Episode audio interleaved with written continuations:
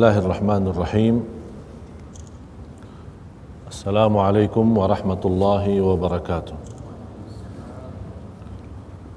الحمد لله رب العالمين وأشهد أن لا إله إلا الله وحده لا شريك له ولي الصالحين وأشهد أن سيدنا ونبينا محمدا عبد الله ورسوله الصادق الأمين اللهم صل وسلم وبارك على سيدنا محمد وعلى آله وصحبه ومن تبعهم بإحسان إلى يوم الدين سبحانك لا علم لنا إلا ما علمتنا إنك أنت العليم الحكيم Maha suci Allah Kami tidak mempunyai ilmu apa-apa Hanya saja apa yang diberikan oleh Allah Subhanahu wa ta'ala Semoga senantiasa kita sama-sama yang hadir di sini Mendapatkan ilmu bermanfaat Dan mudah-mudahan majlis kita ini Menjadi saksi baik bagi kita semua. Saksi baik dunia maupun saksi baik di akhirat. Amin ya Rabbal Alamin. Sebelum saya berbicara tentang kelahiran Nabi Muhammad sallallahu alaihi wasallam dan peristiwa-peristiwa yang terjadi saat kelahiran beliau, kedatangan cahaya yang sempurna untuk seluruh manusia, ada beberapa hal yang perlu saya sampaikan. Yang pertama, mengapa kita mempelajari sirah Rasul? Kenapa? Alasannya apa? Sebabnya apa kita belajar sirah Rasulullah SAW? Kita semua sepakat dan kita sudah faham Rasulullah sallallahu alaihi wasallam yang terbaik di antara seluruh makhluk Allah. Seluruh manusia manusia itu yang memiliki sifat baik dari sisi akhlak, dari sisi cipta, ciptaannya Allah, semua sifat manusia itu terkumpul. Allah memilih yang terbaik dari di antara sifat manusia diberikan kepada para nabi dan rasul. Jadi martabat para nabi dan rasul seluruh sifat manusia dari sisi ciptaannya Allah maupun sifat akhlak dan yang lain-lain yang terbaik Allah milih jadi untuk para nabi dan rasul. Seluruh para nabi dan rasul. Dan seluruh sifat para nabi dan rasul sifat yang mulia dari sisi cipta atau dari sisi akhlak terkumpul dikasih kepada satu orang Nabi Muhammad sallallahu alaihi wasallam. Oleh karena itu Nabi Muhammad sallallahu alaihi wasallam yang paling sempurna akhlaknya yang paling sempurna ciptaannya yang paling sempurna kemuliaannya yang paling posisinya tinggi di sisi Allah Subhanahu wa taala. Tidak ada orang yang tersayang di sisi Allah hanya Nabi Muhammad sallallahu alaihi wasallam jadi kewajiban kita sebagai umat beliau umat Nabi Muhammad sallallahu alaihi wasallam memahami sejarahnya sirahnya mempelajari jadi sebab pertama untuk mempelajari sirah beliau agar kita bisa dan mampu mengenal lebih baik dan lebih dalam lagi tentang kemuliaan Nabi Muhammad sallallahu alaihi wasallam. Dan dari situlah kita bagaimana boleh cinta Rasul kalau belum kenal Rasul. Kalau belum kenal Rasul bagaimana boleh cinta Rasul? Semakin banyak kita mengenal Rasul, mengenal sejarahnya, tahu akhlaknya, berjuangannya, kesabarannya, kemuliaannya di sisi Allah dan terhadap manusia baru akan bertambah cinta kita kepada Nabi Muhammad sallallahu alaihi wasallam. Jadi untuk mempelajari sirah Rasulullah SAW adalah untuk menambah cinta kita kepada Rasulullah SAW. Yang ketiga, kita mempelajari sirah Nabi Muhammad sallallahu alaihi wasallam dari kelahirannya sampai wafatnya sallallahu alaihi wasallam untuk mempraktik amalan-amalan akan dari sirah Rasulullah akan boleh tahu dan ayat Al-Quran. Dan bagaimana Rasulullah SAW saat turunnya wahyu langsung menamalkan bagaimana sahabat Rasulullah saat menerima wahyu dari Rasulullah SAW saat menerima perintah Allah saat menerima perintah Rasulullah langsung menjadi sebuah amalan. Artinya boleh kita mengenal amal salih melalui sirah Rasul. Akan mantap amal salih kita. Terbukti Yang keempat, Rasulullah SAW adalah contoh kita. Masing-masing harus memiliki orang-orang yang menjadi sumber contoh kehidupannya. Ada orang, apalagi di masa ini, sayang sekali kalau kita bertanya kepada anak muda, contohnya nanti siapa? Dia langsung Cristiano Ronaldo. Contoh saya si Fulan, bintang film. Contoh saya orang-orang Eropah atau orang Amerika. Tapi kita orang Muslim yang mencintai Rasulullah sallallahu alaihi wasallam, kalau orang bertanya contoh kita siapa? Rasulullah. Contoh kita. Akhlak kita sesuai akhlak Rasulullah. Apa yang diajarkan kita sami'na wa ata'na. Ikuti beliau sallallahu alaihi wasallam. Sebagaimana terbukti cinta kita kepada Rasul adalah amal. Allah berfirman surat Ali Imran surah yang ketiga ayat tiga tiga ayat tiga dua sama tiga tiga Rasulullah Allah subhanahu wa ta'ala berfirman Qul in kuntum tuhibbun Allah fattabi'uni yuhbibkum Allah kalau kalian benar-benar cinta Allah ikutilah Nabi Muhammad sallallahu alaihi wasallam. Berarti bukan sembarangan orang orang berkata saya cinta Rasul tapi tidak ada bukti. Tidak ada bukti untuk mengikuti sunnah Rasul. Orang cinta Rasul tapi tidak pernah salat berjamaah. Orang cinta Rasul tapi durhaka kepada orang tua. Orang cinta Rasul tidak bisa amanat dan jujur. Orang cinta Rasul ini namanya percintaan yang bohong. Tidak benar. Kalau kita bertanya cinta Rasul, dia langsung jawab, "Oh, percintaan saya kepada Rasul ada di dalam hati saya." Terus amal urusan lain kata. Tak boleh macam itu. Contohnya ada seorang istri berkata kepada suaminya, "Kamu cinta saya?" "Ya." Saya sebagai suami ya cinta istri. Istrinya minta, "Ya udah, boleh saya mau belanja dari mall, tolong belikan sesuatu untuk pakaian bagus, atau apa saja barang-barang berharga. Apa jawaban suaminya? Oh cinta saya kepadamu di dalam hati.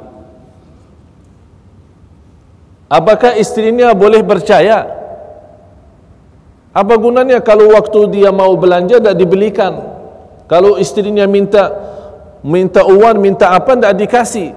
Tapi kata suaminya saya cintamu, tapi cinta saya dalam hati, tidak ada gunanya. Harus ada praktik, harus ada amal, harus ada bukti dan begitulah cinta kita kepada Rasul ada buktinya. Rasulullah sallallahu alaihi wasallam sebagai manusia yang terbaik. Jamaah sekalian yang dimuliakan Allah Subhanahu wa taala, sallu ala Rasulillah. Kalau saya berkata sirah Rasul, saya yakin tidak cukup dalam satu hari maupun satu bulan. Barangkali satu tahun belum tentu habis. Banyak hikmah banyak belajaran banyak rahasia. Nabi Muhammad sallallahu alaihi wasallam sebagai nabi yang terakhir terpilih menjadi umat nabi kita nabi kita ini umat Nabi Muhammad sallallahu alaihi wasallam karena kemuliaan Nabi kita, kita pun sebagai umatnya mendapatkan kemuliaan. Umat yang terakhir di dalam masa dan zaman, tapi umat yang pertama masuk surga. Sebelum dari umat-umat yang lain. Ini sebuah kemuliaan bagi kita. Karena kemuliaan Nabi kita Nabi Muhammad sallallahu alaihi wasallam, kita sebagai umatnya mendapat juga kemuliaan amal salih kita berlipat ganda. Satu amal bisa sepuluh kali dan seterusnya. Salat lima waktu mendapat pahala lima puluh. Sekali satu kali salawat kepada Nabi Muhammad sallallahu alaihi wa alihi wasallam Allah balas sepuluh kali salawat banyak kemuliaan kita dapat. Tapi sebelum kita masuk dalam cerita kelahiran Rasulullah sallallahu alaihi wasallam harus kita mengerti dan memahami kondisi dan keadaan yang terjadi di Makkah. Makkah itu tanah suci. Bagaimana cara dan sistem Allah menjadikan Makkah tempat yang diagungkan oleh manusia? Pertama orang yang membangun Al-Kaabah siapa? Yang membangun Al-Kaabah pertama kali siapa? Nabi Adam. Orang sering bawa kata Nabi Ibrahim. Nabi Ibrahim alaihissalam mengulang bangunannya. Habis terjadi banjir besar di zaman Nabi Nuh alaihissalam, hancur Al-Kaabah dan banyak tempat-tempat yang dah hancur. Allah memerintahkan dan mewahyukan kepada Sayyidina Ibrahim alaihissalam untuk bangun Al-Kaabah kembali. Tapi yang pertama membangun Al-Kaabah Sayyidina Adam alaihi salam. Dan terbukti dari banyak ayat dan banyak sejarah-sejarah para nabi, semua para nabi dan rasul sudah datang ke Makkah itu. Berarti semua para nabi dan rasul sudah haji. Walaupun cara haji itu berbeda dengan syariat dan syariat Islam sama syariat yang terdahulu. Rasulullah SAW bersabda di hadis sahih, "Ma min nabiyyin illa wa hajjal bait." Tidak ada nabi sudah haji. Semua hijrahnya Sayyidina Ibrahim alaihi salam dan isterinya Hajar dan kemudian anaknya Ismail alaihi salam keluar dari Mesir terus membawa keluarganya ke Makkah dan lepaskan keluarganya di situ. Sambil istrinya berkata, Wahai Ibrahim, kami ting kamu tinggalkan kami di sini, siapa yang urus? Nabi Ibrahim AS diam. Sambil tiga kali ditanya sama istrinya. Yang keempat istrinya berkata, apakah ini perintah Allah? Nabi Ibrahim AS hanya menggerakkan kepalanya. Ya. Ini perintah Allah. Langsung dengan keyakinan iman yang sempurna, Siti Hajar alaihi salam berkata, "Idza la yudayyuna." Allah tidak akan tinggalkan kami. Pasti diurus, pasti dibantu, pasti diberikan segala-galanya. Di situlah tinggalnya Siti Hajar dan anaknya Ismail alaihi salam. Beberapa lama belum cerita Zamzam kita tidak akan membahas titil-titil sejarahnya. Cuma saya memberikan singkat-singkat saja. Sambil Nabi Ismail sudah menjadi besar dan bernikah dengan seorang wanita dari turunan Bani Jurhum. Yang akhirnya Bani Jurhum itu yang datang dari Makkah, dari Yaman ke Makkah dan mereka tempati di situ. Sambil lama-lama Jurhum menguasai Makkah. Terjadi perang besar antara Jurhum dan Ghatafan. Ada kabilah namanya Ghatafan. Terjadi antara Jurhum dan Ghatafan berita atau perang besar akibatnya dikalahkan oleh Jurhum. Akhirnya Jurhum bubar dari kota Makkah. Tidak ada siapa-siapa. Karena Jurhum merasa sudah tidak mampu melawan Gatafan, akibatnya mereka meredam sumber Zamzam ditutupi oleh mereka. Nanti ada cerita untuk pertemuan yang akan datang ada cerita bagaimana cara terlihat atau terbukti posisi dan lokasi Zamzam. Karena di zaman Quraisy Zamzam tidak ada. Sudah tertutup. Orang tidak tahu ada cerita ada air zam-zam, ada air zam-zam. Tapi di mana tidak ada karena sudah tertanam dalam tanah. Disitulah muncul cerita-cerita sambil Ghatafan menguasai Makkah ada riwayat 400 tahun, ada riwayat 500 tahun, akhirnya kembali kekuasaan Makkah itu kepada keluarga turunan Nabi Ismail. Mulai dari Qusay. Habis meninggal Qusay diserahkan kepada Abdi Manaf. Habis Abdi Manaf diserahkan kepada Hashim. Habis dari Hashim diserahkan kepada Abdul Muttalib. Haris Abdul Muttalib diserahkan kepada anaknya Abu Talib. Inilah ceritanya bagaimana keluarga Rasul bisa dan boleh menguasai Makkah dan membantu para jamaah haji. Terjadi di Makkah banyak peristiwa. Orang Arab yang ada sekeliling Makkah sangat mengagungkan Al-Ka'bah. walaupun terbukti dalam sebuah hadis yang sahih walaupun keadaan mereka waktu di zaman Quraisy karena zaman jahiliyah ma- masih mengagungkan Al-Ka'bah tapi kalau mereka tawaf dalam keadaan telanjang tidak pakai apa-apa. Na'udzubillah tawaf tapi tidak pakai baju tidak pakai pakaian.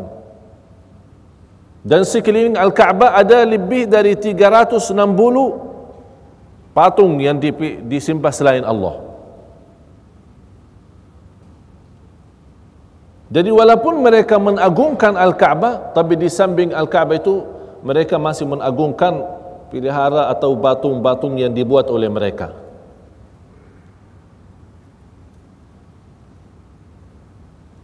Itulah rahasia dan hikmah tersebar yang namanya syirik dan selalu Allah Subhanahu wa taala kalau kita melihat dari sejarah para nabi dan rasul mulai dari zaman Nabi Nuh alaihi salam sejak zaman Nabi Adam sampai zaman Nabi Nuh ada 10 abad selama 10 abad itu tidak ada berbuat syirik semuanya tauhid tidak ada yang berbuat syirik Sambil datang satu zaman muncul orang salih, lima orang salih. Yasu' wa Yaghuth wa Ya'uq wa Nasra.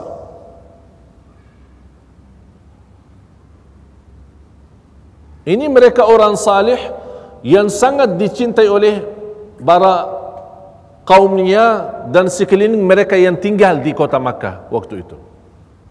Apa yang terjadi? mereka begitu meninggal dunia mulai berkurang semangat untuk ibadah datang syaitan bisik-bisik di di hidupan mereka dan telinga-telinga mereka oh ini orang saleh sudah meninggal agar bagaimana jamaah bisa dan boleh kembali bersemangat untuk beribadah lagi bikin gambar bikin gambar ini ini pertama muncul syirik bikin gambar jadi anda begitu lihat gambar, oh ingat orang salih, nanti kembali semangat ibadah. Beberapa tahun kemudian, habis gambar itu disuruh oleh syaitan untuk bikin batung. Tapi tidak disembah. Oh ini hanya untuk kenang-kenangan, untuk ingat mereka, untuk mengagungkan mereka. Muncul batung-batung, pertama gambar, terus batung-batung. Lama-lama keturunan mereka bertanya, ini batung batung buat apa? Kata syaitan, ini batung-batung untuk minta kepada Allah tapi lewat mereka. Minta kepada Allah lewat lewat mereka. Kalau mau berdoa tak sampai. Harus lewat ini. Ya'utha wa ya'uqa wa nasra. Ini lewat ini mereka orang salih. Kalau langsung tak boleh. Itu yang diwahyukan. Mereka percaya. Lama-lama keturunan mereka melihat batung tapi mereka tidak mendapatkan pelajaran apa sejarah batung itu. Datang setan memberitahu ini batung adalah Tuhan kalian. Terjadilah di situ akibatnya tidak menutupi jalan-jalan yang menantar ke syirik akibatnya mereka menimbah batung kepada tidak menimbah Allah Subhanahu taala. Disitulah Allah menurunkan kemurkaannya tapi karena Allah Maha Adil. Sebelum Allah menurunkan azab atau kemurkaan terhadap manusia Allah utuskan Nabi Nuh. Wahai Nabi Nuh ingatkan manusia kembali kepada asal tauhid sebagaimana turunan Nabi Adam jangan rubah-rubah. Disitulah muncul dakwahnya. Begitu juga zaman demi zaman Nabi habis Nabi dan seterusnya sampai zaman Nabi Muhammad sallallahu alaihi wasallam. Begitu sudah muncul syirik apalagi di kota Makkah Allah Subhanahu wa taala mengutuskan Nabi Muhammad sallallahu alaihi wasallam untuk melamatkan manusia untuk mengajak manusia kembali kepada fitrah awal kesucian kesempurnaan tauhid. La ilaha illallah. Terjadi cerita karena di Quraisy sebagai kelompok dari golongan Arab dan di negeri Arab semua keluarga Arab yang di luar kota Makkah At-Taif dan seterusnya di bagian timur Yaman dan yang lain-lain apalagi Al-Habasa ada beberapa kerajaan. Di antara kerajaan yang ada di zaman itu adalah Habasa. Yang kalau kita boleh istilah sekarang Ethiopia. Macam Ethiopia sekarang. Yang menjadi raja Al-Habasa itu dinamakan An-Najashi kalau raja Fir raja Mesir dinamakan Fir'aun raja Rumaria dinamakan Kaisar raja Persia dinamakan Kisra raja apa namanya raja uh, bagian Habasa itu dinamakan An-Najashi macam itulah, masing-masing punya nama sendiri. Yang terkenal di masa itu adalah kerajaan Adan An-Najasyi. An-Najasyi punya anak buah yang dinamakan Abraha. Di antara kekuasaan An-Najasyi karena sebagai raja ingin mempunyai kekuasaan tidak mencukupi dalam negerinya dia mau maju untuk mengikut mengikutkan Yaman menjadi sebuah negara sama dengan Yaman karena ada batasan antara Habasyah sama Yaman.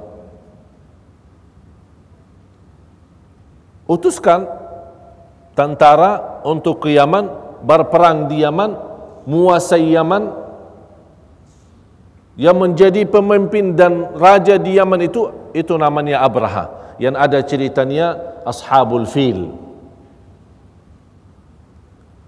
Terus dia membangun sebuah gereja. An-Najasyi dan yang mengikuti An-Najasyi semuanya kan agamanya Nasara.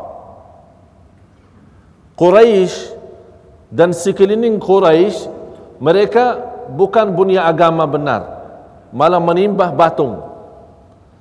Jadi sekarang kita fikirkan mana yang benar antara Quraisy sama Nasara di masa itu. Mana yang paling benar? yang paling benar Nasara agamanya lebih baik daripada agama Quraisy karena sebelum Islam masih agama yang terbaik di dunia atau di bumi adalah Nasara sebelum datangnya Islam menghapus hukum agama yang sebelumnya kan ada Yahudi habis Yahudi terhapus hukumnya dengan agama Nasrani habis Nasrani terhapus hukumnya dengan agama Islam dan tidak agama sesudah Islam oleh karena itu, apapun yang terbaik, yang bagus di agama sebelum Islam sudah terkumpul di dalam Islam. Apapun yang berkurang di agama sebelum Islam sudah disempurnakan oleh Islam. Oleh karena itu, Allah Subhanahu wa taala berfirman, "Al-yawma akmaltu lakum dinakum wa atmamtu alaikum ni'mati wa raditu lakumul Islam madina." Agama Islam salah satu agama yang telah diridai Allah Subhanahu wa taala. Oleh kerana itu kita sering baca doa Raditu billahi rabba Wa bil islami Dina Wa bi Muhammadin sallallahu alaihi wasallam Nabiyan wa rasulah Abraha membangun sebuah gereja yang terbesar di negeri Yaman. Alasannya apa? Dia mendengar berita orang Arab punya rumah. Ya istilah dulu kan dinamakan rumah yang istilah kita bahasa kita Ka'bah. Kenapa orang Arab menagungkan Al-Ka'bah? Kata Abraha, saya akan bangunkan sebuah gereja yang diagungkan oleh semua manusia. Niat Abraha apa? Niat Abraha untuk membawa manusia yang mengagungkan Al-Kaabah untuk datang kemari agungkan gereja yang ada di Yaman. Biar orang perpaling dari Al-Kaabah. Sudah terjadi bangun Al-Kaabah. Sudah terjadi bangun gereja dan dinamakan gereja itu Al-Qulais. Gereja Al-Qulais. Sekelompok manusia dari kelompok Quraisy dengar berita ada informasi mereka mendengar berita ada seorang membangun gereja yang besar untuk memperpalingkan manusia dari Makkah ke ke gereja itu. Sekelompok manusia ini marah. Siapa yang berani mengajak manusia tidak mengagungkan Kaabah? Padahal mereka agamanya apa? Jahiliyah. Bukan agama benar. Menimba batung. Tapi begitu luar biasa mereka kesayangannya dan cintaannya kepada Al-Kaabah. Mereka tidak mau ada sebuah masalah terhadap Al-Kaabah. Begitu mereka mendengar berita, langsung mereka bergerak dari Makkah berangkat ke Yaman. Apa yang dibuat oleh mereka? Malam-malam hari mereka masuk dalam gereja itu. Dan mohon maaf, mereka membuat satu persoalan yang membuat Abraha itu marah. Adalah buan hajat besar di dalam gereja itu. Akhirnya gereja itu sengaja dikotori oleh mereka. Jadi najis. Terus mereka larikan diri keluar. Abraha besoknya pagi lihat, siapa yang berani ini sambil dikotorkan kita punya tempat gereja itu. Marah Abraha. Akhirnya bertanya di mana info-info dapat berita ada sekelompok dari Arab datang dari Makkah mereka ini membuat macam ini. Kenapa mereka ini? Ada apa mereka? Siapa Arab itu? Dan mereka punya apa? Mereka punya Kaabah. Apa itu Kaabah? Dia belum tahu cerita Kaabah si Abraha ini. Ini Al-Kaabah ini sebuah tempat yang diagungkan oleh orang Arab di masa itu. Marah Abraha. Oh kalau memang seperti ini, saya mau hancurkan Kaabah itu. Dia mau balas dendam. Karena habis dikotorkan dia punya tempat gereja Al-Qulais, dia marah mau balas. Tapi dia belum tahu di situ ada kekuasaannya Allah bergerak dan membawa tentara. Tentara yang tidak pernah didengar oleh orang Arab. Biasa orang Arab kenal unta, kambing, kuda tapi gajah belum pernah ada di negeri Arab. Jadi mereka mendengar berita oh ini ada kelompok mau serani kita. Gajah-gajah, ribuan gajah ini orang kaget. Begitu lihat gajah itu sudah semua tidak ada yang berani. Sabi Abdul Muttalib yang menjadi pemimpin Makkah di saat itu yang menguasai Makkah, beliau berkata, siapa yang berani lawan? Kita pasrah. Ini rumah Allah, Allah yang urus. Kita tidak ada, tidak ada mau ikut campur. Semua angkat tangan.